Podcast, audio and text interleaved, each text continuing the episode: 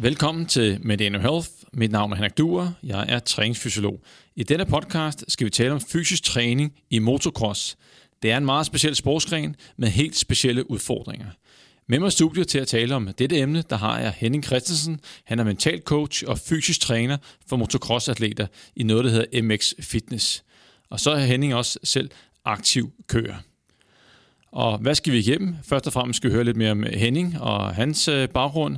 Og hvad er motocross egentlig for en størrelse? Og hvilke krav bliver der stillet til motocrosskører? Fordi at det er faktisk ret hårdt at køre sådan en løb. Så hvis man skal lave øh, fysisk træning for motocrosskører, jamen hvordan skal man så træne med hensyn til styrketræning og konditionstræning? Og til sidst i udsendelsen, så kommer vi med sådan øvelsesforslag til selve styrketræningsprogrammet. Velkommen til Henning. Tak. Og tusind tak, fordi du gad at dukke op i dag til den her podcast her. Øh, spændende emne. Og øh, kan du fortælle lidt kort om dig selv? Jeg har jo fortalt, at du er mental og fysisk træner i MX øh, Fitness. Hvor lang tid har du egentlig beskæftiget dig med, med det? Det har jeg egentlig ikke beskæftiget mig med så lang tid. Altså, jeg genoptog det her motocross, øh, efter jeg havde en lille pause på 36 år, hvor jeg ikke kørte motocross. Men jeg kørte det som dreng, fra jeg var 13 til jeg var 19, og så genoptog jeg det her ja, for en, en 3-4 år siden. Øhm, så en fire år har jeg trænet, og, og så dengang jeg gik ind i det igen, så, så var det, jeg tænkte, nu har jeg haft mange år i, i fitnessbranchen øh, og masser af erfaring derfra, så tænkte jeg, jeg kunne godt tænke mig at, at, at bringe noget ind i den sport her, som jeg mente, jeg helt sikkert kunne bidrage til, at øh, især de unge øh, kører der, de kunne komme lidt videre. Ja, fordi at i fitnessbranchen, der har du været i, i mange år. Det er måske også det, at uh, rigtig mange kender dig og har, har set det før. Du har jo har stillet op til Mr. Fitness og alle mulige andre øh, konkurrencer, og du har også været træner for en, en, en masse atleter. Øhm, kan du fortælle lidt om dine meritter der? Bare helt, helt kort. Hvad, hvad ja, jeg, highlights? Jeg stillede op i første gang, der blev lavet en konkurrence, det er Mr. Fitness, der stillede jeg op første gang, og så var jeg med øh, fire gange mere, og der vandt jeg alle fire gange, så øh, Mr. Fitness der, og så har jeg været ude i, på et internationalt plan og konkurreret og været verdensmester en enkelt gang i og øh, ja, så har jeg trænet et hav af mennesker på alle mulige, øh, både for vægttab og øh, folk, der vil tabe sig, og folk, der vil stille op i konkurrencer. Jeg har sågar også afholdt øh, to fitnesskonkurrencer øh, øh, i 15 og 16. Så ja. Og det er så det, du øh, tager med ind i... Øh i motocross for at hvad skal jeg sige, løfte niveauet hos øh, de her ryttere. Det hedder rytter, ikke? I stedet for kører, ikke? Eller hvad, hvad kalder man dem egentlig? Kører, tror jeg faktisk. Okay, ja. Øh, de, nogle gange så... Der, nej, det kan, nogen kan også kalde det rytter, det ved jeg. Ja, ja fordi at, øh, på engelsk så, så der stod riders ja. øh, nogle steder, så jeg jo lige i tvivl om terminologien. Og øh, det jo ikke første gang, vi, vi, vi mødes. Jeg har også været i fitnessbranchen i 100 år. Jeg kan faktisk ikke huske, øh, hvornår det var første gang. Var det, altså, var det gladiatorerne? Ja, det tror jeg. Og, øh, det er det, var, jeg husker i hvert fald. Ja, og der var øh, for mange år siden et, øh, hvornår var det, 2002, 3, 4, 3, 3 ja, ja. et actionprogram, på, hvor at øh, Henning var øh, gladiator. Hvad, hvad hed du egentlig? Hector. Hector. Der blev ja. en sæson af det, og jeg var med som, øh, som øh, en af trænerne på, øh, på programmet. Så det var, det var tider. Men nu øh, handler det om, øh, om, om motocross, og øh, lige inden, og, og en fysisk træning her. Og, og lige inden, øh, det var faktisk tidligere dag, der prøvede at lave sådan en søgning i sådan en videnskabelig database med videnskabelige artikler, for at finde ud af, jamen, hvad ligger der egentlig på, på motocross og, og fysisk træning? Ligger der noget forskning? Og øh, jeg startede med at lige bare for sjov at se, for at sammenligne, skrev sokker ind i databasen. Bare sådan overordnet sokker. Hvad ligger der der? Der var over 14.000 artikler. Så prøvede jeg som badminton, som er en, en meget mindre sport, end, i hvert fald i Danmark, øh, eller skulle i Europa og USA, ikke i Asien, men en, der, var, der lå 3.000 artikler. Jeg prøvede så motocross, og der, øh, jeg skrev bare motocross ind, og så kom der 130 artikler. Der var faktisk også nogle BMX-artikler øh, eller studier, så og de fleste så rendyrkede motocross, øh, det var, der var det meste, hvad hedder det, vedrørende skader. Og der lå meget, meget lidt om den fysiske kapacitet, øh, hvilke krav stiller sporten, sådan et løb til, til, til, til kroppen, og jeg kunne ikke finde noget på de steder træningsstudier, hvor man har taget nogle øh, motocrosskører. Så hvordan er det der, derude? Øh, altså, hvor får man sin viden fra, når man er... Øh, altså, får man noget stuk i hånden, eller uh, hvad, hvad gør man, når der ligger så lidt uh, derude, sådan rent videnskabeligt? Er det så erfaringer fra tidligere rytter, man, der, der går videre? Hvad er din erfaring generelt set? Ja, sådan det, som jeg ser det, det har jeg oplevet, der er rigtig mange, der træner øh, andre. Altså det, der er mange sådan trænings, det er blevet rigtig populært, i hvert fald den tid, jeg har været med i det, hvor man har sådan en træningsskole i en øh, sommeruge, eller bare en weekend og sådan noget. Altså det, det er så typisk en, der er, er rigtig dygtig, eller har været rigtig dygtig, som er træner, der har en erfaring derfra. Nogen, der har været, også været internationalt kørende, som har, har meget erfaring. og så er det sådan lidt det, de bringer videre. Så, så lidt fra, ligesom fra fitnessbranchen, der jeg kan huske, da jeg startede, der var det bro science, det gik på. Altså det var ham, der havde de største arme om. Han måtte vide, hvordan man gør, og så snakkede man med ham. Og, eller så kunne man købe sådan nogle muskelblade, man kunne købe ned på banegården eller sådan noget. Og så kunne man læse, hvad øh, dem, der så også fyldte sig med alle muskler, hvordan de spiste, hvordan de trænede, og så, og så gjorde man lidt ligesom det. og sådan, sådan tror jeg lidt, det er. Så det er meget sådan, det er jo erfaringsmæssigt, men man kan sige, når erfaring, det, det er jo det er ikke altid, det rigtig bliver målt på, på hvordan man, altså forskellige måder. Så det er sådan, øh, hvad gør dem, der kører bedst? Så øh, ja, i dag der er så meget social media, så hvis man kan se, at han, han gør et eller andet på en eller anden øh, kondimaskine, der, så må jeg også have sådan en kondimaskine, så skal jeg bruge den, øh, fordi det gør ham øh, den bedste. Eller... Og, og, og man er måske også overladt lidt til erfaring, fordi hvis der ikke ligger noget sådan forskning på området, øh, så, så må det være det, man, man er, er grounded i på en eller anden måde. Uh, og lige inden vi øh, hvad hedder det, sådan går endnu videre, så jeg godt tænke mig at vide, at lige, lige fortælle, hvad, hvad er motocross, og hvordan adskiller det sig fra Speedway? Og jeg kom lige til i en mail til dig på et tidspunkt til at skrive Speedway. Og så kan jeg godt mærke, at det skulle jeg ikke have skrevet. det er næsten et, et fyreord. Men, men øh, lige uh, tage lyden igennem, hvad går det der motocross egentlig ud på? Uh, hvor store er maskinerne, og hvordan adskiller det sig fra, fra Speedway? Ja, du må i hvert fald aldrig sige til en crosskører, det er Speedway. Så, så er du i bad standing, det er helt sikkert. så bliver du fået ud i baglokalet og pop op. Og så... Ja, sådan et eller andet. Det er jo, uh, Speedway, det er jo nogle få omgange på en rund bane, de kan kun dreje til venstre. Øh, motocross, det er, en, en, en, øh, det er meget længere tid. Det er fra 20 til 35 minutter. 15, men så plus et par omgange. Og det er en meget fysisk hård sport, og øh, man kender ikke... Øh, banerne er forskellige. Alle baner er forskellige.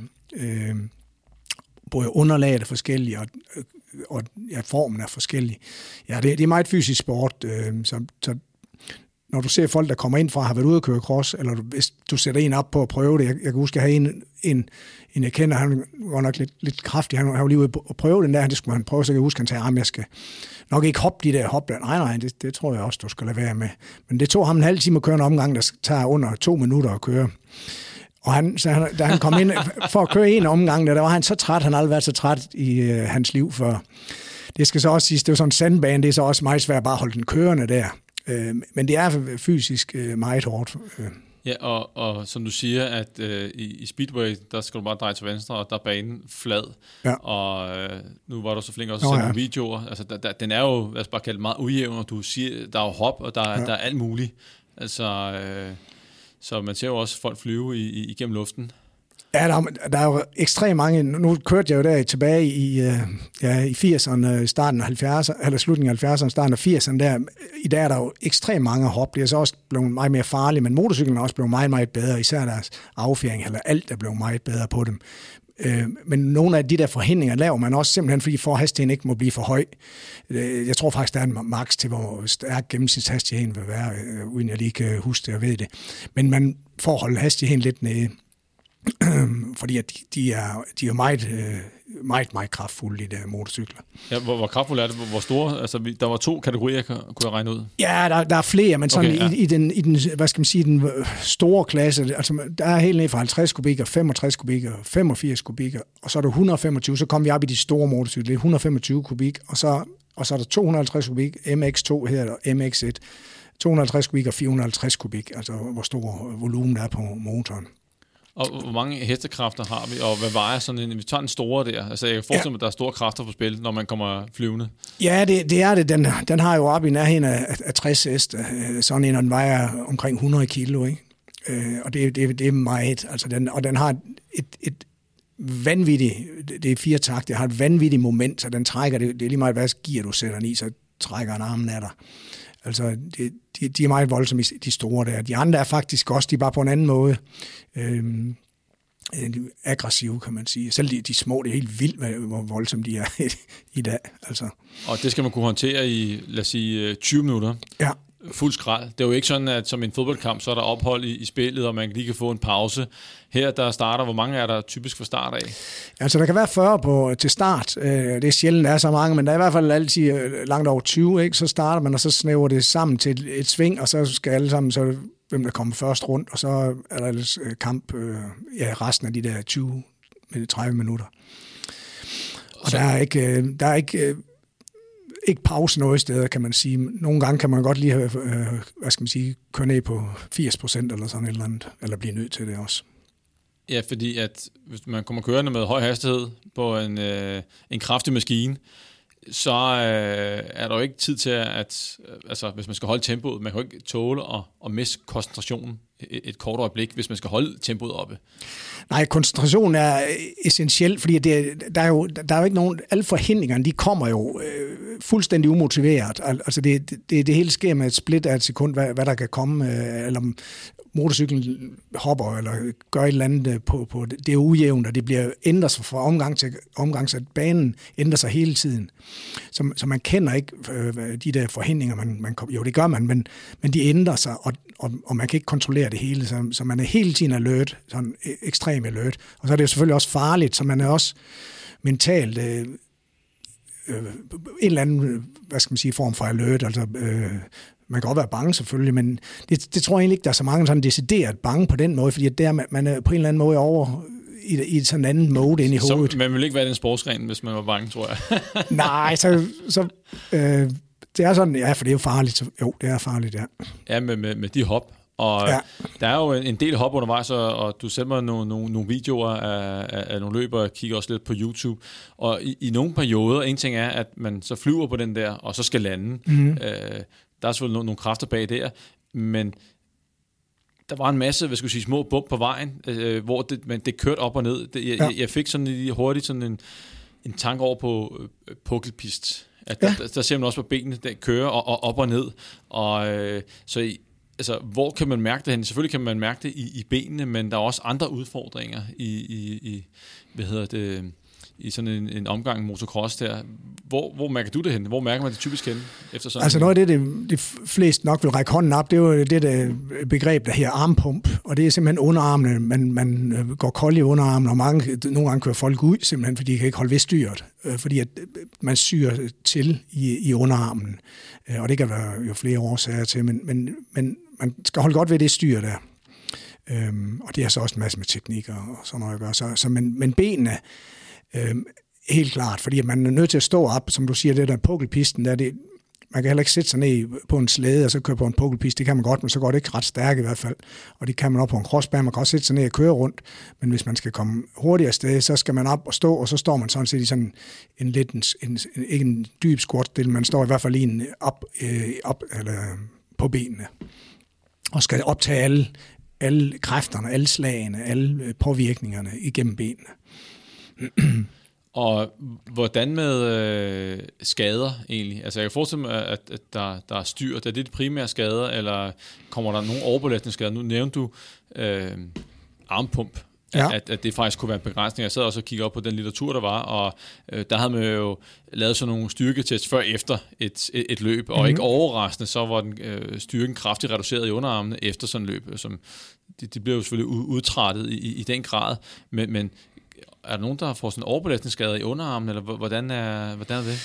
Øh, det synes jeg ikke, jeg, jeg har lagt mærke til, det, sådan øh, de, de overbelastningsskader i den forstand. Det er mere skader i, at altså man går i stykker, altså ved, ved styrt, simpelthen.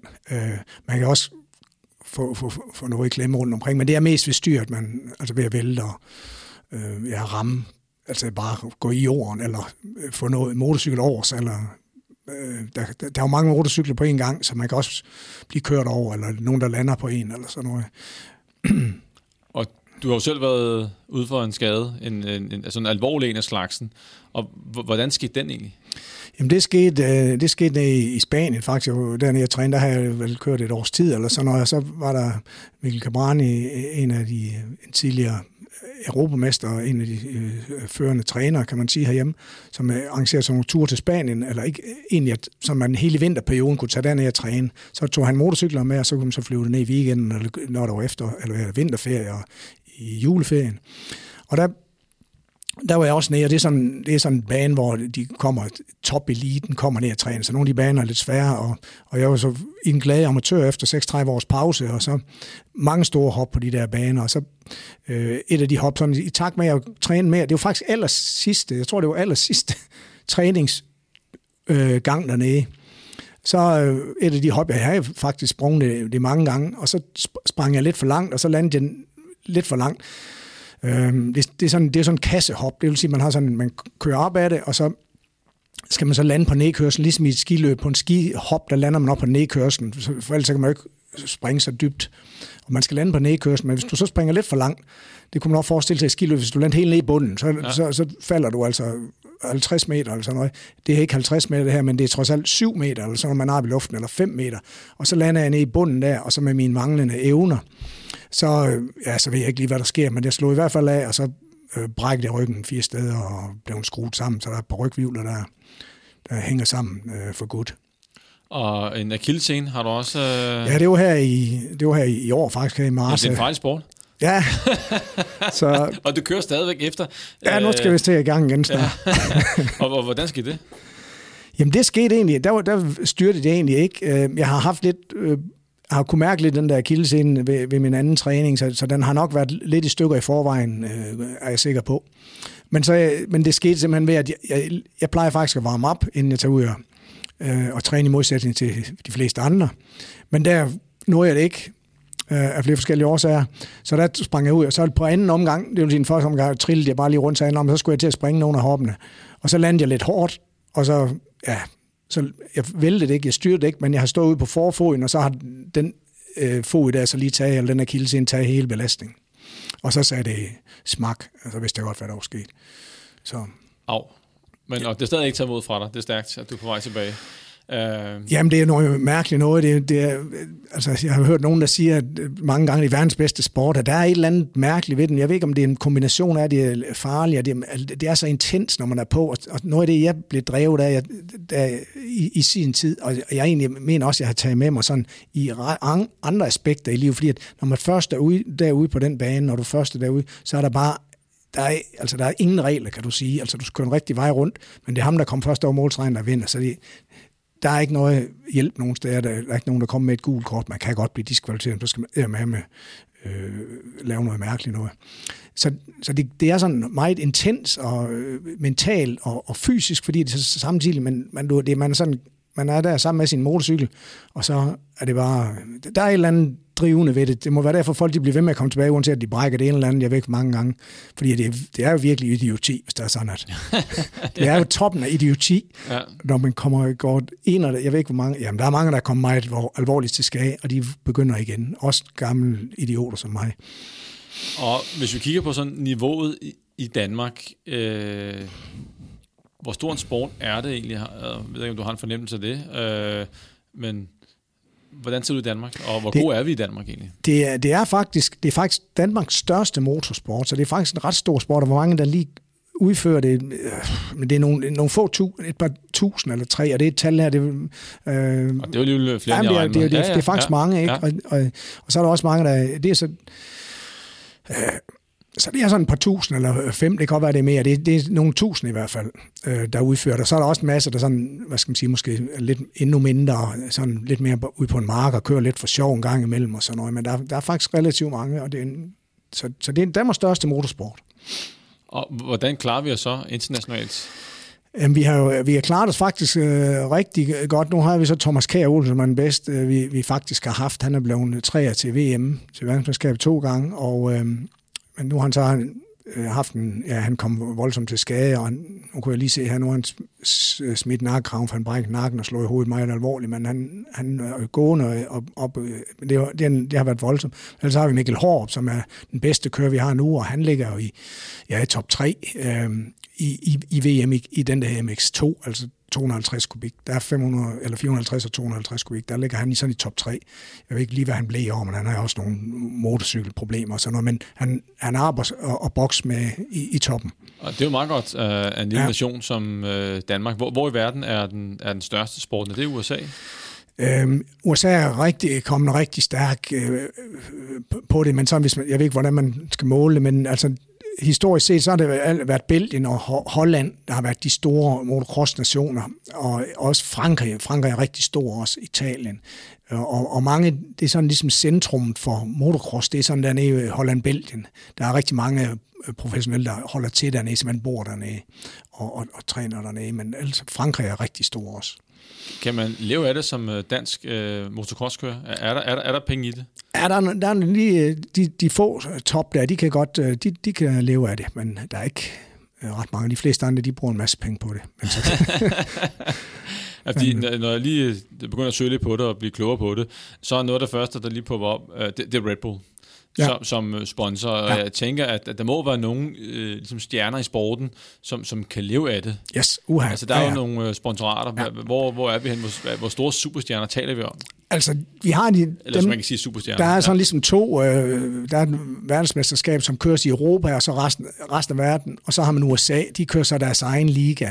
Øh, og de kører der, i USA er der flere penge i De, de har for mange år siden begyndt de at lave det, der hedder Supercross, som er, er meget mere publikumsfixeret. Så det, det er kortere løb, kortere heat. Det er inde på en stadion, det er indendørs mange gange korte heat, man kan bedre følge med, publikum kan bedre følge med. De kan God idé. De er det genialt. Og tv-dækning i, i uh, altså, der er virkelig til, altså der er, og der er op til 60.000 tilskuere, der kommer på sådan en stadion, ikke? og det er ligesom til en, ja, det kan vi ikke trække til en fodboldkamp herhjemme, vel? Så, så der er det rigtig stort. De er rigtig dygtige til at markedsføre det. Og vi, vi har faktisk også en øh, Lars, øh, som har arrangeret Supercross ude i Herning i mange år, og, og det er faktisk også rigtig godt. Øh, selvfølgelig med stadion er ikke helt så stor derinde i boksen, men øh, stadigvæk et skide godt, godt arrangement. Og det er sådan lige pludselig noget, alle kan følge med i. Og det, og det er en fantastisk måde at selvfølgelig også at løfte sporten på, ja. øh, og, og trække det over lige præcis, øh, gøre det publikumsvenligt. Øh, der kommer penge i sporten, øh, folk kan blive professionelle, og ja. på den måde løfte øh, niveauet. Øh, men hvis man så kigger på, hvad hedder det, øh, sporten, og Danmark eksempelvis. Øh, hvordan ser det ud for sådan, den generelle dygtige øh, kører? Der er forskellige niveauer. Hvis vi tager det, det højeste niveau, det var A-niveau. Ja, det er A-klassen. Der. A-klassen, ja. ja. Hvor, hvor mange gange om ugen træner de? Og er, er det kun på bane, eller er der også noget fysisk træning, som vi selvfølgelig skal tale om? Mm. Men, men hvordan ser sådan en, en klassisk ud for en rigtig dygtig kører i Danmark, som ja, ikke er ude i udlandet og professionel? Ja, jeg, jeg det er, noget, det er en, en typisk klassisk uge vil være løb eller træning i weekenden, og, øh, og sådan en træning, eller måske to, altså nu snakker jeg på motorcyklen, øh, øh, hen i ugen. Øh, og så kan der være, at der er nogle små trænings, hvad skal man sige, hvor de intensiverer det lidt at køre, men, men man, kan ikke, man kan ikke køre anden to-tre dage i streg på motorcyklen, så er man helt, så, så er man færdig, altså busted, så, så begynder det at blive farligt, fordi altså, altså man er fysisk, øh, det er tre, mere end tre dage i træk, så, så, så skal man have en pause. Så, så det, er den, det, det er motorcykel, altså kørsel på motorcyklen. Og så er konditionstræningen det mest udbredte. Øh, så alle de, eller, eller i hvert fald alle de, de gode, altså man kan ligesom se, når de kommer, de, de, de bedste af dem, de laver meget konditionstræning, og nogen laver lidt styrketræning. Men kondition, eller konditionstræning og også meget udbredt med, med, med mountainbike, altså cykel øh, i, i kuperet terræn i en skov, eller hvad, hvad man nu gør på en mountainbike, fordi det minder ekstremt meget om motocross, sådan rent teknisk. Så der er masser af balance og, og, og teknik, der er identisk. Og så er det knap så farligt, og, og så får man noget indirekte øh, kondition oveni selvfølgelig. Ja, og det var mit næste spørgsmål, fordi at mm-hmm. øh, hvis man kun træner to gange om ugen, øh, og så er der kamp i weekenden, hvad jeg vil sige. Ja. Så, så, er der, så er der race i weekenden. Ja. Øh, det overlader jo en masse ekstra tid i forhold til andre sportsgrene. Hvis vi tager øh, fodbold øh, en gang på højeste niveau, øh, så er det træning måske fire gange om ugen, og så er der kamp i weekenden. Ja. Øh, og, og så det, man typisk gør, der, der er grænser for, hvor hårde de, de her træninger kan være, så er der masser af tid til tekniktræning ja. ved siden af. Er det så måden, man ser tekniktræning på? Er det at så køre på mountainbike, eller gør man noget andet ved siden af for at forbedre teknikken? Fordi at, jeg kunne næsten forstå på dig, at øh, eller selvfølgelig er teknik ekstremt vigtigt for mm. at øh, gennemføre et løb, men også øh, altså hurtigt, men også for at, at måske tage noget af det der armpump. Øh, jo bedre teknisk man er, måske mere holde med benene, mm. øh, jo mindre armpump er der. Hvad gør man udover, øh, når man ikke er, kan man gøre noget øh, udover ja, altså, altså, Ja, man, altså man kan også træne sin teknik, når man kører på motorcykel. Det er jo selvfølgelig det rigtige sted at gøre det, fordi det er så specifikt. Det, det, øh, så træne sin teknik, men det er ekstremt meget med teknik at gøre, både med, med arm på, men i det hele taget, men også sikkerhedsmæssigt. Altså øh, stor forskel på, hvis man bare tonser ud af, så er meget større chance for, at man slår koldbøtter og, og kommer til skade, end hvis ens teknik er, er, er bedre. Så teknikken er øh, øh, meget sikkert også under, hvad skal man sige, undervurderet efter, efter min mening. Som, men altså, de topkørende, de træner altså, øh, altså så laver de måske konditræning tre gange om ugen, eller sådan noget, og så er du to gange, så er du på fem, fem gange. Og der, det er også meget udbredt faktisk efter, efter de har kørt cross, og så lave sådan en hvad, restitutionstræning, øh, cyklen en, en times tid, eller øh, det kan være direkte på dagen, og det, og, eller så dagen efter. Så laver det sådan, sådan, efter et hårdt løb, så dagen efter kører sådan en restitutionstræning, kører cykle en, en time eller to, moderat, altså med, med lav intensitet, ikke? Så altså dem der, de, de, de, og så er det jo de fleste af dem her, de har også noget arbejde, de skal passe eller skole eller sådan noget, så, så, så deres tid er, er fyldt godt op. Øhm. Ja, specielt hvis de ikke får penge for det, at det er semiproffer. Er, er der ja. nogen, der får lidt penge for det? Er der semiproffer herhjemme? Ja. ja. Altså, i, i, men øh, nok mere sådan, jo, altså, der, der er heldigvis mange, der er villige til at sponsorere på den ene eller anden måde. Øh, det kan være med øh, udstyr og teknik. Det er jo, det er jo dyr sport, ikke? og motorcykler og, øh, ja, og, og, og komme rundt og sådan noget. Så der, der synes jeg, der er virkelig mange, der, der er villige til at, at, at putte lidt i kassen til dem, der har lidt talent, og så prøver de at gøre lidt reklame for den. Så men, det kunne sikkert blive meget større, hvis der er sådan, vi bliver lidt bedre til at markedsføre sporten. Og nu nævnte du øh, konditionstræning, konditionstræning og konditionstræning. Ja. Øh, og der lyder ikke som, der var så meget plads til styrketræning. Er det lidt en, øh, en by i Rusland i den sport, øh, i hvert fald i, i Danmark? Hvad, hvad er din opfattelse her? Ja, det, det, det er min opfattelse, det, var så, det, er, det er jo min baby, styrketræning. Det er jo, det er jo der, jeg hører hjemme. Det er jo det, jeg kender til. Det er det, jeg har gjort i så mange år. Øh, og, og, og jeg har øh, ja, både styrketræning, så også øh, kosten delen af det. Så, men det er det, jeg vil prøve at, at, at, forsøgt og stadigvæk forsøge og, og, og vil gerne få noget mere af det der styrketræning, fordi at jeg mener at virkelig har en berettelse. Jeg mener, det skal være fundamentet, uanset hvilken som helst sport man har. Bare den er lidt fysisk bekræv, eller to, betonet, så, så burde styrketræning være fundamentet. Men det er, det er svært at slå igennem, fordi at der, der er også mange, og der er rigtig meget, øh, jamen det bliver man, øh, man langsommere, så bliver man for tung, og, og, og sådan en stor muskel, det kan vi ikke have på den der motorcykel der, og vi får armpump, fordi vi får store muskler på, på øh, underarmen, så får vi armpump. Og, så, så, og, og mig det, det der, det mener jeg virkelig, det er baseret på myter. Øhm, der er selvfølgelig også, det, det er også noget at gøre med, fordi at styrketræning er jo heller ikke, hvis man ikke sådan er, er bit af det, så er det ikke sådan særlig rart. Det gør jo ondt, hvis man skal få noget ud af det. Men det gør alt træning jo. Og, og, og, og der er måske rare, eller hvad skal man sige, men også sådan, fordi det har været tendensen, når man ser det, det de gør mig, så det der konditræning der, at så det der styrketræning, det bliver sådan lige, ah, det er også, øh, det er sådan endnu en, det, men også måske fordi det er endnu en ting, man skal gøre. For der er mange ting, der er også meget, rigtig meget praktisk. Øh, hvis, hvis du øh, skal stille op i fitness, så skal du egentlig bare løfte vægte, og så skal du spise grøntsager og holde proteinpulver, så, så er du kørende. Der, der, er, kun én, der er kun én ting, du skal fokusere på. Men her der er jo rigtig mange ting, altså sådan øh, motorcykler og, og ja, og det lyder som, at øh, jeg, jeg er helt på din linje, selvfølgelig med hensyn til øh, styrketræning, fordi det, det laver man jo i alle sportsgrene af, af en eller anden årsag, og, øh, og man kan jo sagtens træne uden at tage på i vægt, og så blive, blive stærkere. Det altså cykelrytter laver styrketræning, øh, fodboldspillere øh, absolut top, topplan, og de skal jo heller ikke have for meget, når de løber op og ned af banen øh, mm. hele tiden. Øh, folk, der kæmper i vægtklasser, øh, der er jo grænser for, hvor, hvor altså hvis du er hvad hedder sådan noget, letvægt, eller fluevægt, eller hvad det hedder, bandsomvægt, jamen der er ligesom en øvre grænse for, hvor meget du vejer. De laver stadigvæk styrketræning. Alle, alle laver styrketræning af, af forskellige årsager, kan vi komme ind på lidt, lidt, lidt senere. Øh, men den anden del, hvis vi tager den med, øh, og det er så kondidelen, hvordan griber de så den an? Er det så... Øh, hvad, hvad tager man udgangspunkt i her?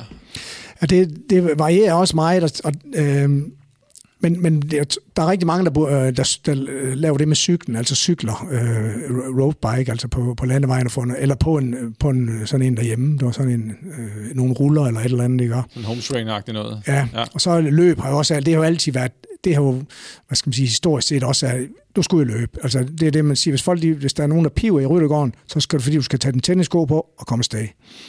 Øhm, så, så så, så det er sådan lidt, hvad skal man sige, altså løb og, og cykling, øh, tænker jeg, det der er mest. Og så begynder man også at lave nogle, alle mulige forskellige øh, serier, og så begynder man at lave alle mulige sådan øh, balance og core træning og, og, og, og, og den slags sådan, hvad skal, vi, hvad skal man sige, sådan noget. Jamen det er sådan noget for at prøve at lave lidt balance og noget øh, koordination og noget øh, øh, core træning. Altså det, det, det er jo helt sikkert også øh, vigtigt, at man har øh, god core styrke og Balance er selvfølgelig essentielt. Det, er, det her er en balancesport. Ingen, ingen diskussion om det. Og, og hvordan med, med konditionstræning, hvordan bliver det udført? Er det så øh, sådan meget højintens? Er det langvarigt? Øh, hvad, hvad, hvad sådan din opfattelse af, hvad bliver der lavet derude, når folk min, så sætter sig op på cyklen eller løber en tur? Min opfattelse er, at det er i langt højeste grad de lange træningspas, eller moderate øh, løbeture. Det er svært at løbe, der er ikke der kan løbe en time, og det er, det er jo meget hårdt, ikke? men så, så moderate, altså løbeture på øh, 3, 5, øh, 6, 8 km eller sådan noget. Øhm, det, det er så min, min øh, fornemmelse af det. Men, men masser af det på cykel, det er jo godt med cyklen, det er jo ikke hårdt, men det er jo ikke hårdt for knæene og følge, og, og skal man også lige huske på, mange af dem her, de har jo skader. Ja. Alle har jo et eller andet, der er i stykker et eller andet tidspunkt, eller gå et eller andet sted. Der er cyklen jo taknemmelig, fordi at man skal godt nok være meget et stykke, hvis man ikke kan sætte træk lidt på nogle pedaler. Jo.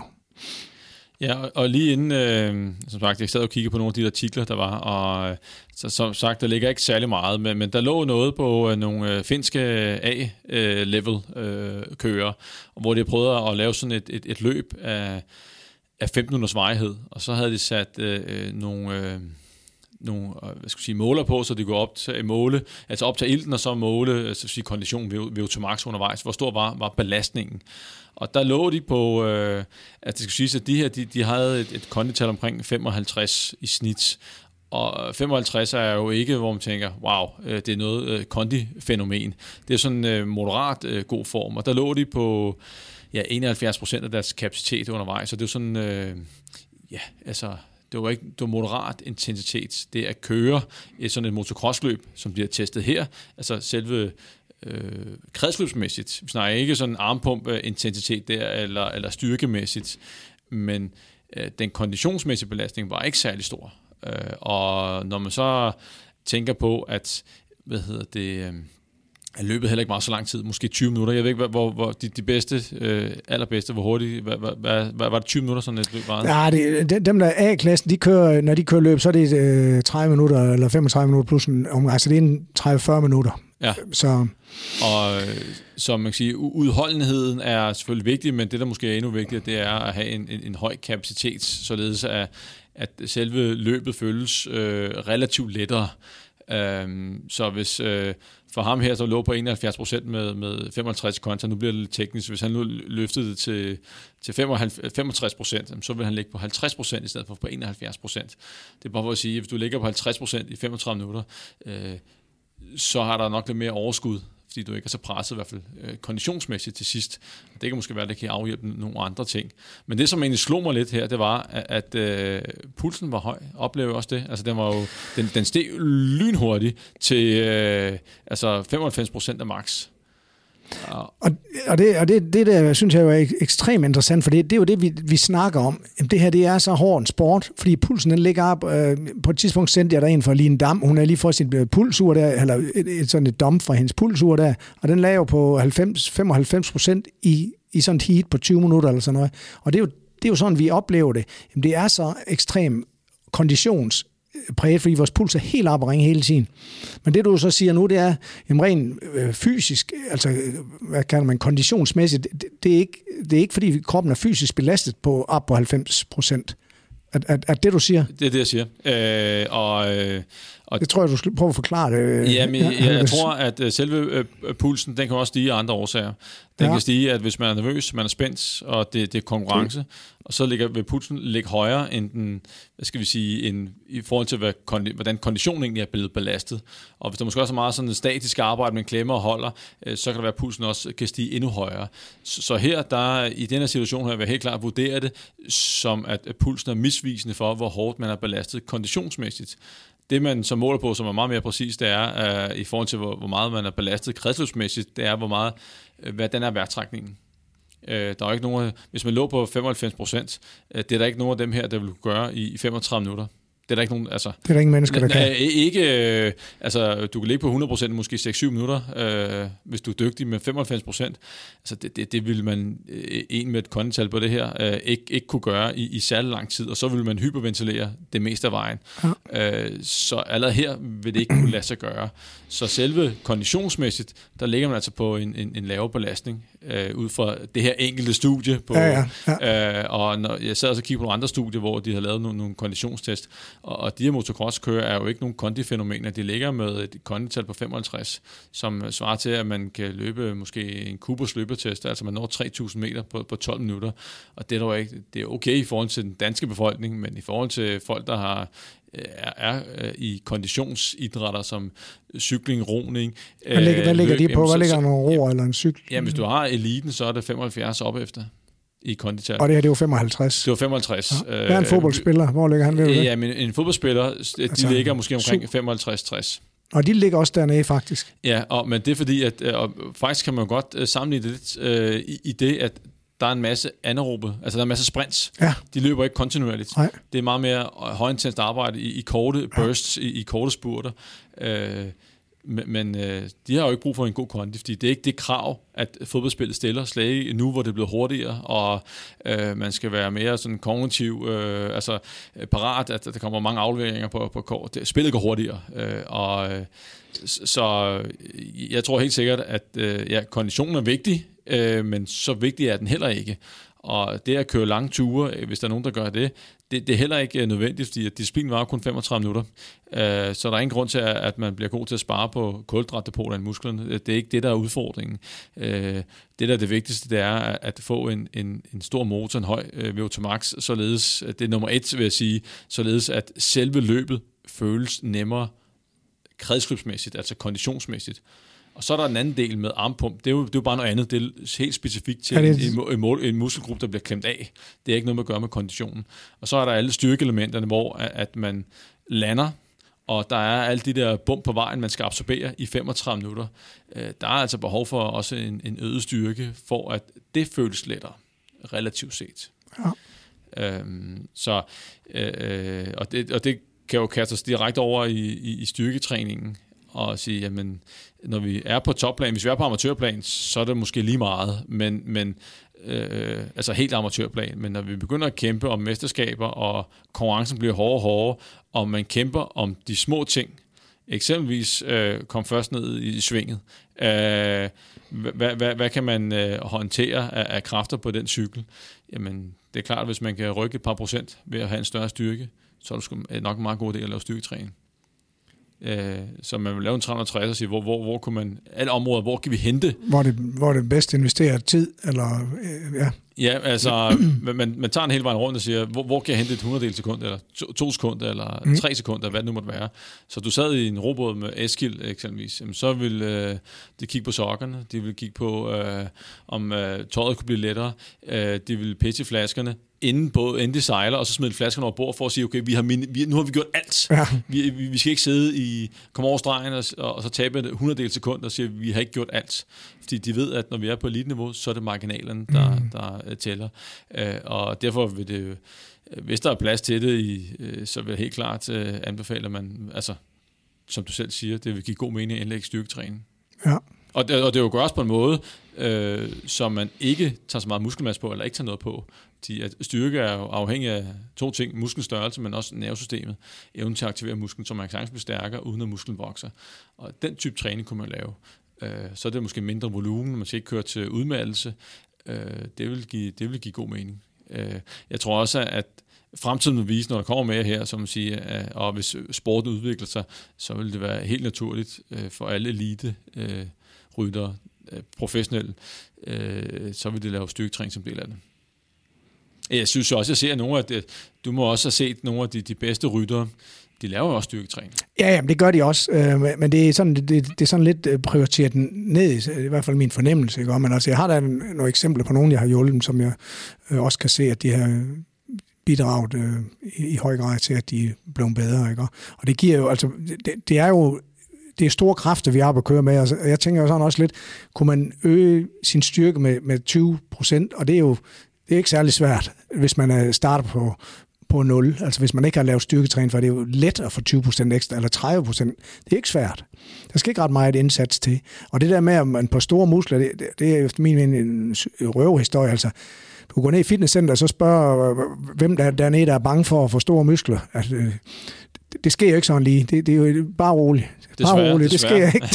det går ikke så stærkt. Jeg kæmpede de 25 år, og det fik ja. der lidt større muskler, men det, det, det tog fandme lang tid, ikke? Og, så, og, og når det så samtidig med alt det andet træning, så er det nærmere et, et, et, øhm, mål bare at bibeholde muskelmassen, vil jeg nærmere sige, på sådan en hel sæson, fordi der er så meget træning. Altså, øh, fordi det er hårdt, og det, det slid, øh, som jeg siger, når man har kørt to dage i streg, så, eller tre dage i streg, så er man, så er man slidt, fordi det er hårdt. Ikke? Altså. Og jeg, jeg, jeg tror ikke, at man kan jo enig i, at det kræver en vis basisstyrke at kunne håndtere sådan en cykel.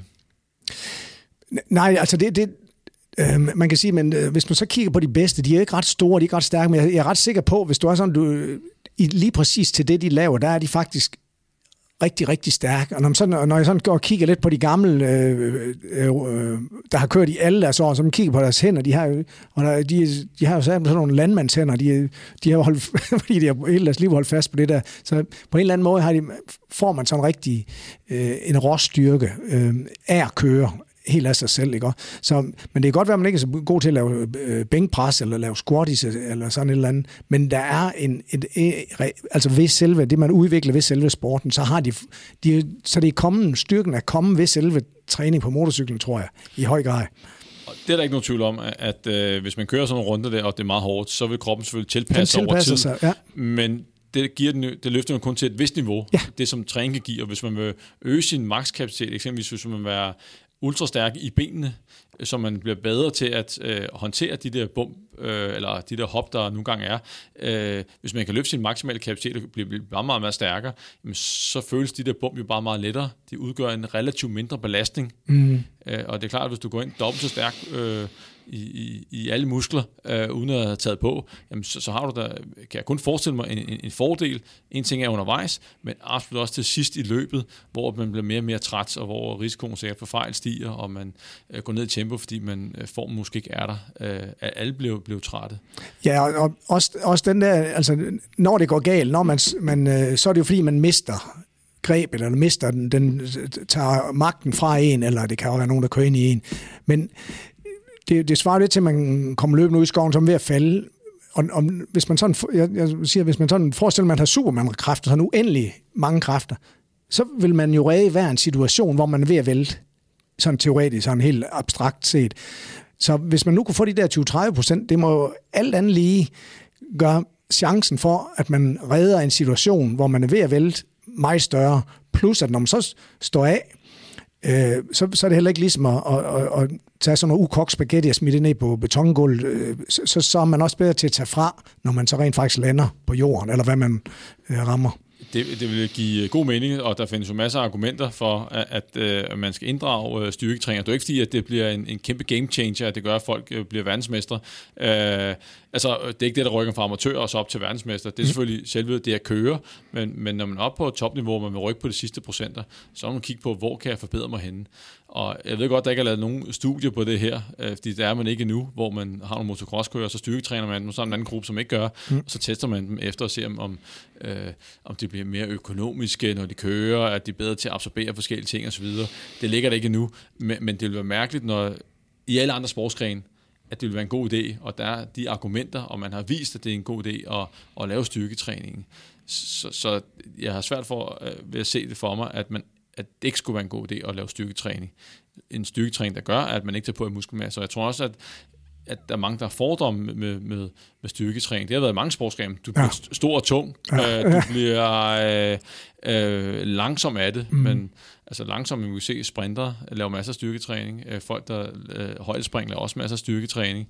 Øh, og øh, bokser i forskellige vægtklasser, fodboldspillere må heller ikke blive for tunge, så man kan sagtens få en masse ud af det, øh, og så sørge for, at man har maks ud på den parameter. Hvis man er eliten, så vil jeg tænke, det, det, og man mangler nogle marginaler, så er der måske noget at hente der. Ja. Og det er det samme med, med, med konditionstræning. Hvis man er vant til de, øh, de lange, rolige ture, jamen, så vil jeg helt klart sige, jamen det får du så ikke mere ud af. Øh, du skal op og have noget intensitet på, så du løfter din, din, din kondition. Øh, og øh, har du en på, på 60 i kondital, så skal du måske ikke gå mere ud af den kondition. Fordi så har du din aerob kapacitet, den er god nok, så vil jeg hellere bruge mere tid på øh, styrketræningen.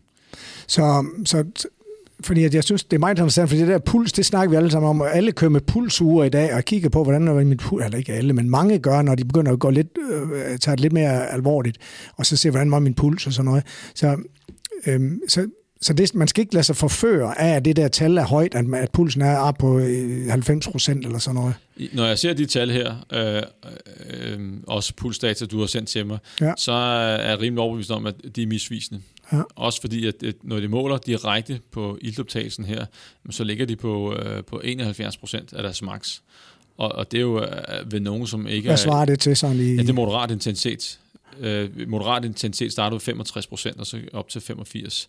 Så det er nede, nedre ende af moderat intensitet, rent kredsløbsmæssigt. Så det er så, man kan, man kan faktisk snakke, hvis man kommer løbende, eller sådan noget? Eller, ja, ja, ja du, du vil øh, kunne... Ja, det er der, ja. vi er. Øh, men det har man ikke sagt, at det ikke føles hårdt, men det skyldes andre årsager. Det, men det er ikke, men, og, ja. og, og, og de gentagende stødabsorberinger i, i, i benene.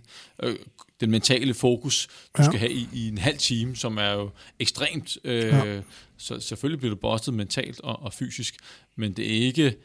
Det er ikke på grund af den fysiske belastning, det er ikke på grund af konditions... eller konditionsmæssige ja. fysiske belastning. Nej, nej. nej. Og, øh, og så rent træningsplanlægningsmæssigt, øh, fordi at det ikke Øh, og de her fyre her, som jeg også kan se på de der BMI-tal, der er, altså det er jo folk, som ligger i, det er jo ikke overvægtige, de er heller ikke undervægtige. De ligger sådan, det er sådan nogle slanke unge mænd, kan man sige. Mm. Og så skal der ikke særlig meget til før, at de har et, et kondital på måske øh, 60 eller 64, og så vil jeg starte med at få oparbejdet det. Så skal jeg ikke så meget til at holde det ved lige. Så kan man skrue lidt ned for konditræning, og så vil jeg max op på styrketræning, hvis det var sådan, det skulle være. Så man i en periode fokuserer på noget andet, en ting og bygger det op, og så øh, i en anden periode, så holder man det ved lige, men til gengæld så bruger man tid på at løfte en maksimal styrke, uden at tage på i vægt. Så så VO2 max eller kondital, det er faktisk en, en, en interessant størrelse. Det er, en, det er en god en at måle på, hvis man skal måle på et eller andet. Absolut, ja. I, til, jeg, til det her, jeg til den sige, sport at, her. hvis man skal prøve at gøre det lidt, lidt, lidt, lidt, øh, lidt bogstaveligt, eller måske lidt, lidt for firkantet, og skal passe på med at forsimple det. Altså, der er jo øh, forskellige faktorer, som bliver påvirket her i sådan et løb her. Der er selvfølgelig konditionen, hvor meget den bliver presset, og så er der selve syredelen, hvor meget øh, den bliver presset, og det er jo så meget lokalt i armene. Øh, og det har intet at gøre med øh, kondition. Den var aldrig reddet øh, din underarm for at blive sy- syret til. Øh, fordi det er så lille muskelgruppe med så høj intensitet. Den muskelgruppe er jo, der, der er slet ikke øh, nok det er meget teknisk, der er ikke nok muskelmasse ude i underarmen til at belaste øh, hjertet nok. Hjertet kan leve alt det blod til, til, hvad hedder, til underarmene, øh, det, det skal være, men hvis det bliver lukket af, fordi det står og spænder øh, undervejs, øh, det, det vil en bedre kondition ikke redde. Øh, så, så, så den vil ikke redde underarmene. Og så er der alle stødopsbærende, så er der styrkedelen, som man kan arbejde med. Øh, så må jeg lige spørge til det der, ja. fordi at jeg har, jeg, jeg har egentlig en øh, opfattelse af, at, at øh, hvis man har en højere kondition, så vil der være mindre chance for, at man syrer til i underarmen, eller det der. I, i, ja, øh, man kan sige, at hvis du er i Altså, den muskelmasse, der er i underarmen, den, den er, den er ikke ret stor, nej det. Ja. Og selv hvis du er relativt utrænet, så er der nok til at forsyne underarmene. Selvfølgelig skal der også noget til benene, du skal være på cyklen og de ting, men sådan, så når jeg kigger på de data her, så, så er det ikke hjertets pumpekapacitet, der er en begrænset faktor for, at du syr til underarmene. Det er, at øh, der bliver klemt af, der er måske masser af statisk arbejde. Nu har jeg ikke siddet på en motocross, men jeg kan forestille mig, at du bliver ved med at klemme, og du holder et vaskgreb øh, i, i, i et pænt stykke tid øh, og du holder til, så på et tidspunkt, så vil du blive træt i underarmene, men det er ikke øh, konditionens skyld. Nej, så det er mere, for det, det snakker vi også meget om, det er også, altså hvis man er teknisk dygtig, så kan man også bedre få, det handler om, at så kan slappe af, så man ikke falder, det, det er det med, at man spænder hele tiden, fordi ja. musklerne er jo ikke rigtig lavet til at skal sådan spænde hele tiden. Det er vel derfor, de syrer til, ikke sandt? Ja, jamen så, øh, der, der er to årsager til, at det kan syre til. At det ene, der er selvfølgelig, at intensiteten er så høj øh, ja. i musklen, øh, at, at øh, hjertet, altså, det, man kan bare ikke nå at levere ild nok. Den anden er, at hvis man så spænder statisk arbejde, så er der nogle af de bitte små blodår, der bliver klemt af. Og så kan man jo ikke, så kan der ikke komme ilt ud. Og du kan heller ikke transportere de der affaldsstoffer væk, som gør musklen træt. De bliver bare de bliver ophobet derinde. Og det er det der øh, det udfordring med det der statiske arbejde, som man kan forestille mig sker i, i underarmen. Ja, fordi det kan blive, ja, nogle gange så, kan man, så kommer der en ind og siger, så kan man mærke, at hans underarm den er ligesom en sten, fordi at den er simpelthen få sådan en pump der, fordi at ja. man, folk de bliver jo ved. Altså nogle gange så ryger folk jo af, fordi at øh, man ikke kan holde ved styret længere. Ja. Også det, det, det, det er voldsomt. Men, men teknikken, altså med det der med at lære at øh, slappe af, og, og sin teknik er god, så man ikke skal holde så meget fast i styret, så det er mere benene, man holder fast i, har en rigtig balance, man ikke hænger efter den hele tiden og sådan noget. Så det, det er i højere grad sådan noget. Så det er egentlig konditionstræning. Altså hvis, hvis man nu har et kondital på 50, så vil man ikke få mindre armpumpe af at få den på 60. Nej. Okay. Det vil du ikke få. Nej. Øh, men til gengæld vil så være, være lidt mere presset i, i sidste løbet, fordi at, øh, så er du måske ligget på 80 procent, og så kan du blive måske mere træt i benene, men det, det vil ikke øh, underarmene. Okay. Vil ikke, øh, nej. Øhm, så, så den del skal man, øh, tror jeg, man øh, skal passe på med at hvad hedder det, overvurdere øh, betydningen af, altså konditionen i, i, øh, i motocross. Så lige, nu, nu er jo det der underarm, for det er sådan lidt et begreb, der virkelig øh, frustrerer folk, og nogle gange er nogen, der bliver opereret for det, at de går ind og laver mere åbninger til musklen og i scenen, eller hvad det er for noget, jeg ved ikke lige, hvad det er, de gør. Øhm, men opvarmning, ja. det må sgu da hjælpe på det der underarm, fordi at det der er jo sådan typisk, er, at man kører typisk en træning, og så to heat, hvis det er et løb, eller hvis man er ude at træne, så er det måske tre træninger, første, anden og tredje, eller fjerde måske, hvis man er øh, øh, øh klar på det. Og det, det er sådan typisk, det taler jeg af erfaring her, så øh, første, der, om ond, der gør det hele ondt, og man kører langsomt, og man og får armbånd. Så anden træning, eller i, i første heat, hvis det er til et løb, så, så er det egentlig væk. Sådan på mig, jeg tænker, så er det noget at gøre med også, øh, få startet den der maskine op. Ja, øh, altså, uanset hvad, så vil øh, opvarmning øh, være, være en, altså en fantastisk idé, fordi det er jo, vi har jo set, øh, det er jo en fysisk sport, mm. og øh, der er store kræfter på spil. Øh, så selvfølgelig skal man varme op. Al, alle hvad skal jeg sige, ledbånd, øh, led og så videre bliver gjort klar til arbejdet, øh, og mentalt bliver man klar. Temperaturen stiger i musklen, dermed opvarmning, og det vil sige, at de fysiologiske processer løber hurtigere. Så alt bliver ligesom forbedret derude, så man er klar til start. Øh, man kan forestille sig, jeg tror også, da vi talte over telefonen, så i, i gamle dage har man lavet et forsøg, hvor at man skulle lave sprint, 100 meter sprint. Ja. Så var der nogen, der øh, var iskolde, de sprintede, så var der nogen, der var varmet op i en sauna, til det havde noget med kropstemperatur, så var de blevet varmet op. Ja. Øh, og så var dem, der havde lavet den klassiske opvarmning, som var specifik opvarmning, øh, hvor der selvfølgelig haft noget træningstøj på, og så er det lavet alle de der øvelser løb frem og tilbage. Øh, og vi ved godt, hvem der klarer sig dårligst. Mm. Det var selvfølgelig den, der ikke varmet op, startede iskold. Ja. så præsterer man jo bare dårligere. Ja. Og, øh, og sporten er jo ikke nogen lavintens sport med hensyn til det anaerobe og med hensyn til måske styrkeelementerne. Øh, og der er også en vis kondition. Øh, øh, hvad skal vi sige? Kondien bliver også presset moderat, så det giver god mening øh, at varme op. Selvfølgelig skal man varme op. Er det, det, det er helt klart. Ja. Altså, hvis, hvis det var, at du skulle gå en tur, der er intensiteten så lav, så mm. lige meget, om du varmer op. Ja. Men fordi at du er, du er oppe og presse systemet her øh, på forskellige områder, så øh, er det præstationsfremmende at varme op. Øh, vi, vi talte om det på et andet tidspunkt, hvor, hvor du nævnte noget med fodboldspillere, var det sådan, at øh, deres opvarmning, øh, nu fodboldspillere, man kan sige, det, det er jo altid godt at måle på nogen, hvor der er sådan, der er mange penge i en sport, fordi at der, der er det jo ufattelig vigtigt, at de præsterer, og det er jo ufattelig vigtigt, at de ikke går i stykker, altså for skader. Øhm, hvad, hvad er det med opvarmning i, i fodbold, i, er de rigtig gode der? Jamen, der er du på banen øh, en halv time, tre kvarter før. Øh, du starter kampen, så starter du stille og roligt. Der er selvfølgelig en mental del, der er noget teknik, og øh, der er noget fysiologisk, og så kommer man ned i omklædningsrummet, og så skal man lige have de sidste desinger, så kommer man ud på banen. Øh, så der er masser af opvarmning, og faktisk i, øh, i pausen er der også nogen, der varmer op. Øh, fordi hvis de bliver for kolde i omklædningsrummet, så har man faktisk lavet øh, forskning på, at de første par minutter, jamen, der, der er man bare langsommere på banen. Øh, så er der nogen, der bliver sat til at varme op, øh, således at de præsterer for de første sekunder i første halvleg eller i anden halvleg. Så, så opvarmning er i, i alle Så, sportsgrene. så selvom de har 15 minutter, ikke 15 minutter er mellem de to halvleg, Ja, øhm, så er der nogen, der varmer op der for at og, og, og kan være max på, lige når de slår i gang, fordi de allerede når at blive kolde. yes. Men mindre det er måske en varm sommerdag, og kropstemperaturen, så handler det om at blive kølet ned i, i, i pausen, i hvert fald på overkroppen. Ja. Men øh, det kan give god mening, og hvad hedder det, og specielt hvis du, øh, du har stået lidt stille sidst i første halvleg, og øh, intensiteten er faldet, og så falder øh, temperaturen ud i musklerne, så giver det god mening at, at blive varmet op til anden halvleg. Ellers så starter du kold, og så er der risiko for skade, eller du bliver løbet over enden. Det er jo marginalerne øh, og de små ting, der gør det i, i, i en professionel sport, øh, som fodbold, men selvfølgelig også i, i, i motocross. Jeg vil sige, at, at hvis man er, er seriøs, øh, og man gerne vil vinde i, i motocross, øh, eller hvilken som helst sport, hvor at, øh, det giver mening at varme op, og det gør det i motocross, så vil det, jeg vil sige, det vil være hul i hovedet ikke at varme op. Så tager man en risiko. Ja. Altså, og, og det, øh, øh, det går ud på at minimere alle risici i forbindelse med sport, men at øge sandsynligheden for, at man vinder. Og der er opvarmning en del af det. Øh, styrketræning er en del af det. Øh, højintens konditionstræning, intervaltræning vil være en del af det.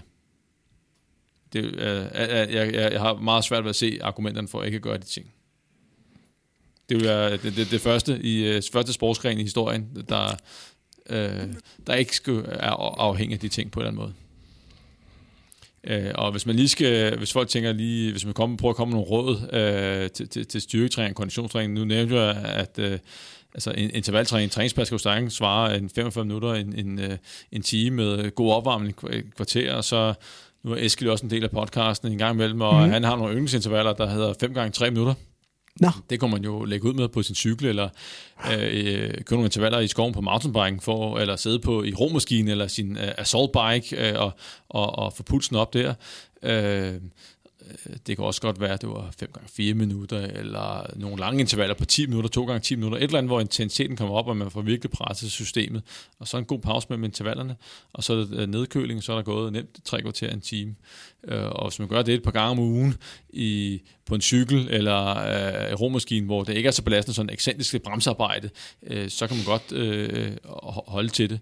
Og øh, det, det vil jeg helt klart øh, anbefale. Og så styrketræning, så har vi jo fat i squat, Så- giver god mening. Ja, undskyld. så, så, så, kondi, så nogle, øh, egentlig, hvad skal man sige, en slags øh, træning, altså konditionstræning, som tager en periode, måske som øh, er relativt lang, eller hvad skal man sige, 20-30 minutter, eller sådan et eller andet, hvor det så er nogle lange intervaller, hvor man holder en god pause, og så høj intens en, Ja, altså- en, nogle minutter, og ja. så en... Okay. Så det var, det var efter en god opvarmning, så går der 5 minutter med høj intensitet, så holder man 2 minutters pause, tager man 5 minutter mere, to minutters pause, 5 minutter mere, og der gør man en, en øh, hvis du har øh, 5 minutters interval, så kunne man gøre det en fire gange, øh, og så er det lidt nedkøling. Så er der hurtigt gået øh, tre kvarter, men, men til gengæld så har man fået en samlet mængde øh, træning med meget høj intensitet, som, øh, og intensitet er en af de vigtigste stimuli for en bedre kondition. Øh, og det er udfordringen med øh, lavintens øh, træning, det er, at, at øh, det forbedrer ikke kondition, det kan forbedre din, din udholdenhed, men udholdenheden i sig selv med hensyn til fedtforbrænding og at spare på glukindepoterne er ikke et issue i motocross, fordi at, øh, det var kun måske 35 minutter. Det det er slet ikke det, der er problemet. Man vil ikke udtømt i glukindepoterne under motocross. Øh, jeg vil sige, det er langt vigtigere at fokusere på at få en, en, en, en god kondition, og der skal vi have fat i nogle, nogle intervaller.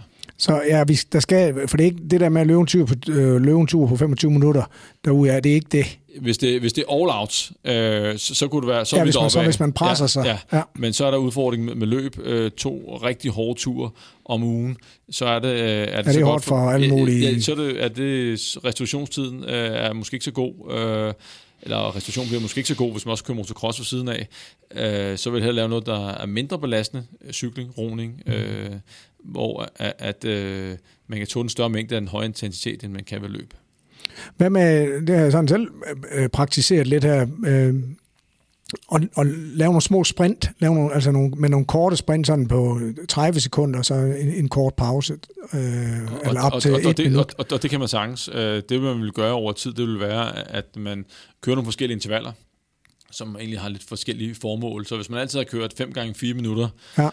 øh, og Det, kørt det er sådan lange intervaller, Ja, lange intervaller i, i min så, øh, så, så kunne man gå ned og lave nogle, nogle sprintintervaller, Ja. øh, hvor at øh, man kører 30 sekunder øh, fuldt fuld damp. For der kan man jo få pulsen helt op og ringe. Helt, helt op, og så, så træner man også noget, noget, noget mere af, hvad skal jeg sige, den anaerobe syrekapaciteten, evnen til at tolerere det, øh, så man vil over en periode, så vil man aldrig køre de samme intervaller altid, man vil variere det. Og det kan også godt være, at man varierer det i løbet af ugen, at en gang om ugen, så er det 5 gange 4 minutter, og en anden gang om ugen, så er det måske 30 sekunder sprintintervaller.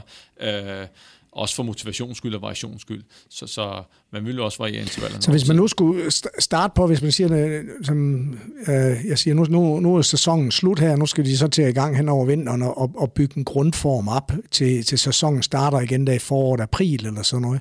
Hvis man så, så det, det er jo ment, der, så skal man i hvert fald så er det styrketræning, lad det være fundamentet der, og så kan man begynde at bygge noget kondi på lidt senere. Hvordan skulle man, hvis man nu skal lave nogle intervaller, skulle, hvordan skulle man så starte med nogle korte intervaller og lave dem længere, eller Hvordan skulle man bygge det op over tid? Sådan? Jeg vil øh, helt klart øh, til at starte med, så vil jeg lige teste mig og se, hvor er de henne. Øh, det kunne være, at de havde en måske meget god grundkondi og en ja. god grundstyrke, og så vil jeg se, hvor, hvor er hvor mit, mit svageste punkt, så vil jeg starte med at, at få bygget det op. Øh, og så lad os sige, det er kondi. Vil du hvordan vil du vide det? Vil du... Jamen, så vil jeg, og det, det er jo så svært at lige præcis at hvis man ikke har udstyr til at lave en konditest, så kan man prøve at lave en, en watt max test, og så der kan man se på nettet, øh, hvis man har adgang til sådan en cykeltest med, med wattbelastning, så kan man se, have en idé om, hvor ligger man henne konditionsmæssigt. Lad os sige, at den ligger der opad. Men det vil være en god investering at lave en rigtig VO2 max-test. Ja, ja faktisk så øh, kommer man langt. starten. Øh, ja, det, det vil være en, en, en, en, den, måske sige, den bedste investering, men så langt på man måske ikke gå til at starte med. Man, man kan lave en,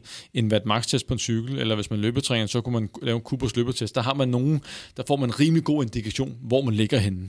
Det er ikke så super præcis som en ægte VO2 max-test, men den er også dyr, og, øh, men har man det andet udstyr til råd, så får man en, en, en, fin, øh, en rigtig fin indikation på, om øh, hvor langt man er nede på kondien, og styrkemæssigt, så kan man også hurtigt finde ud af, øh, har man noget styrke, er man, øh, kan man squat 1,6 eller 1,6 gange kropsvægten, så er man også meget godt med. Mm. Øh, men øh, jeg vil lige hurtigt lave en test over, over det hele, og så vil jeg få løftet kondien måske til at starte med, og øh, lave en lille smule styrketræning ved siden af, og så når kondien er op, så vil jeg måske lige gå lidt op for styrketræning, og så holde kondien ved lige. Øh, og, og til at starte med, hvis man ikke har lavet kondi før, så starter man selvfølgelig roligt, og så bare få cyklet nogle, øh, en halv time, moderat intensitet, lige, lige kommer i gang, og, og få tilpasset sig det, så er man ind over introfasen, så vil jeg begynde at smide nogle øh, intervaller på.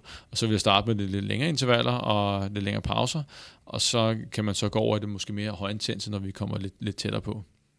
Det er, så når jeg prøver at lave nogle, øh, så har jeg for, også igen for at gøre det effektivt, altså bruge så lidt tid på det som muligt. Som sagt, der er mange andre ting, man skal tage hensyn til, praktiske ting med motocross. Og, øhm, så lave styrketræning, kort styrketræningspas, og så lave nogle interval øh, øh, løb for eksempel, eller hvad der nu man lige har udstyr, øh, umiddelbart efter. Ja.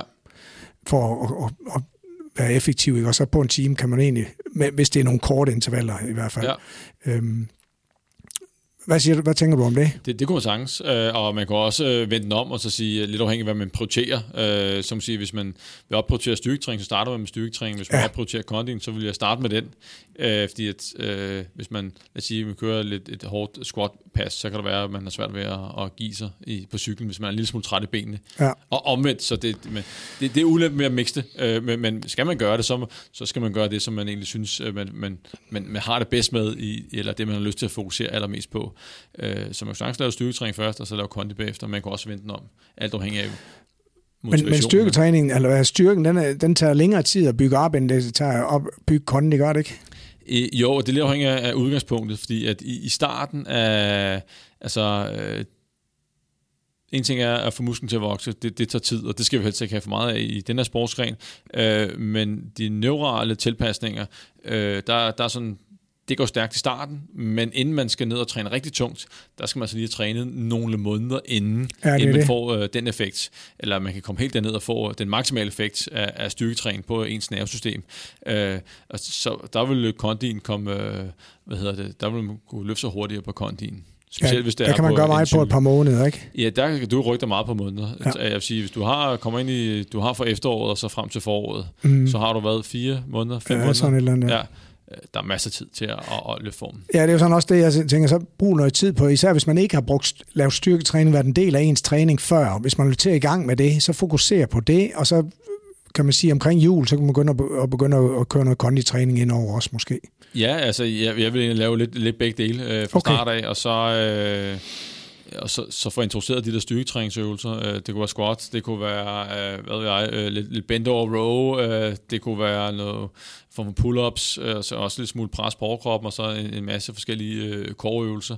Og jeg vil også lave noget for, for lægen. Jeg kan forestille mig, at man står på for fodballerne, mm-hmm. så det er ikke kun benene, så jeg vil også lave decideret læg, okay. lægtræning indover, ja. for, for at styrke den del og styrken af kildting.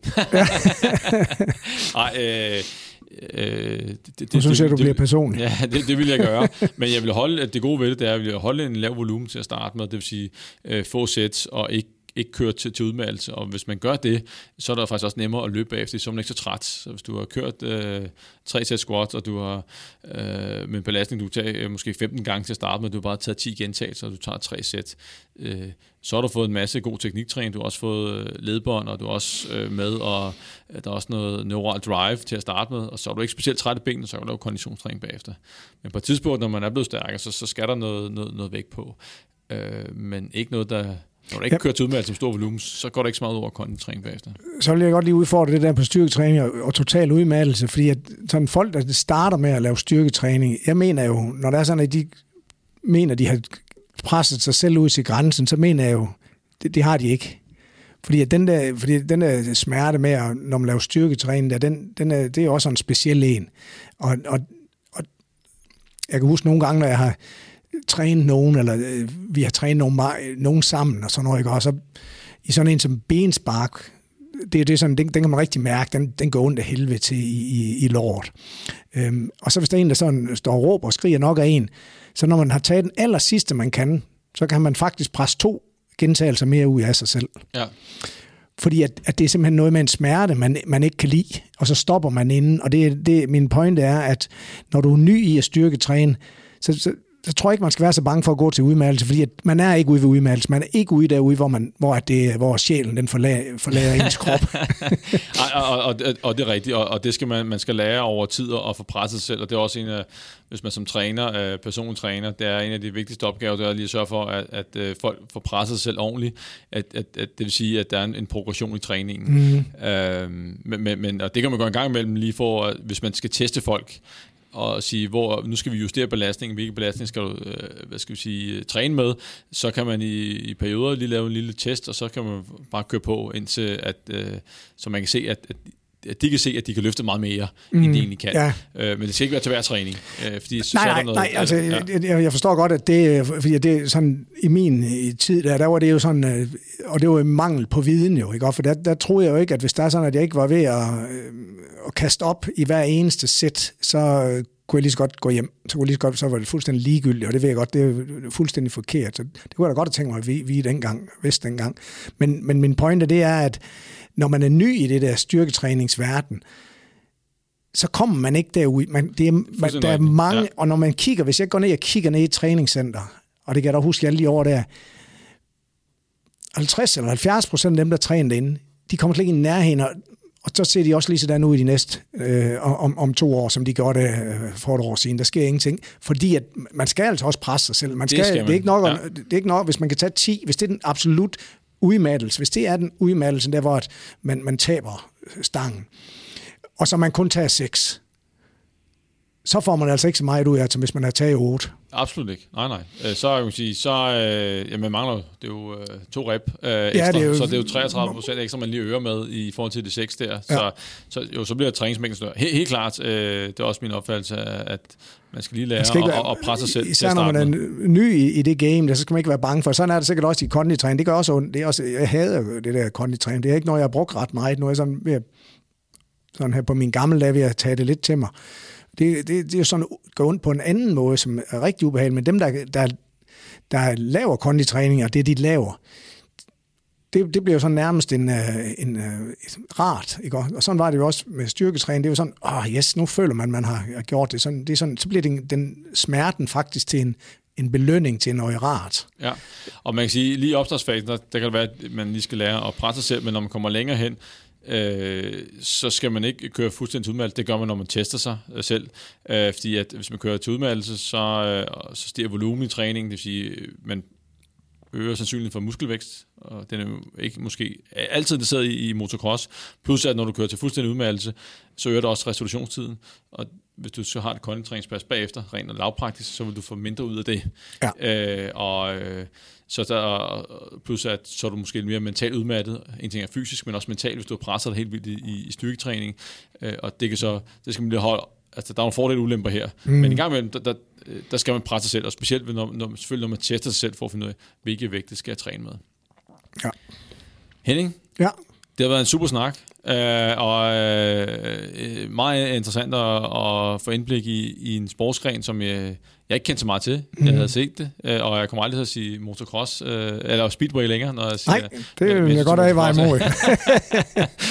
og, og jeg er sikker på, at, at sporten, og specielt i USA, hvis de er langt mere fremme supercross, at, at, at der kommer mere forskning øh, på, på det område her, og som helt sikkert underbygge nogle af de ting, som, som vi har talt om i dag, altså vi skal have styrketræning ind, vi skal have øh, selvfølgelig opvarmning, og, og, og vi skal have lidt mere intensitet i, i, i, i træningen for at øge konditallet, og at pulsen godt kan, kan narre lidt i forhold til... Man skal man ikke lade sig forføre for ja, mig. Ja, hvad man tror, man har behov for i uh, at Ekstrem kondi i ja, nej. Henning, jamen sige tak, fordi du dukker op. Selv tak. Og så vil jeg sige tak til alle jer, der lyttede med. Vi høres ved. Hej.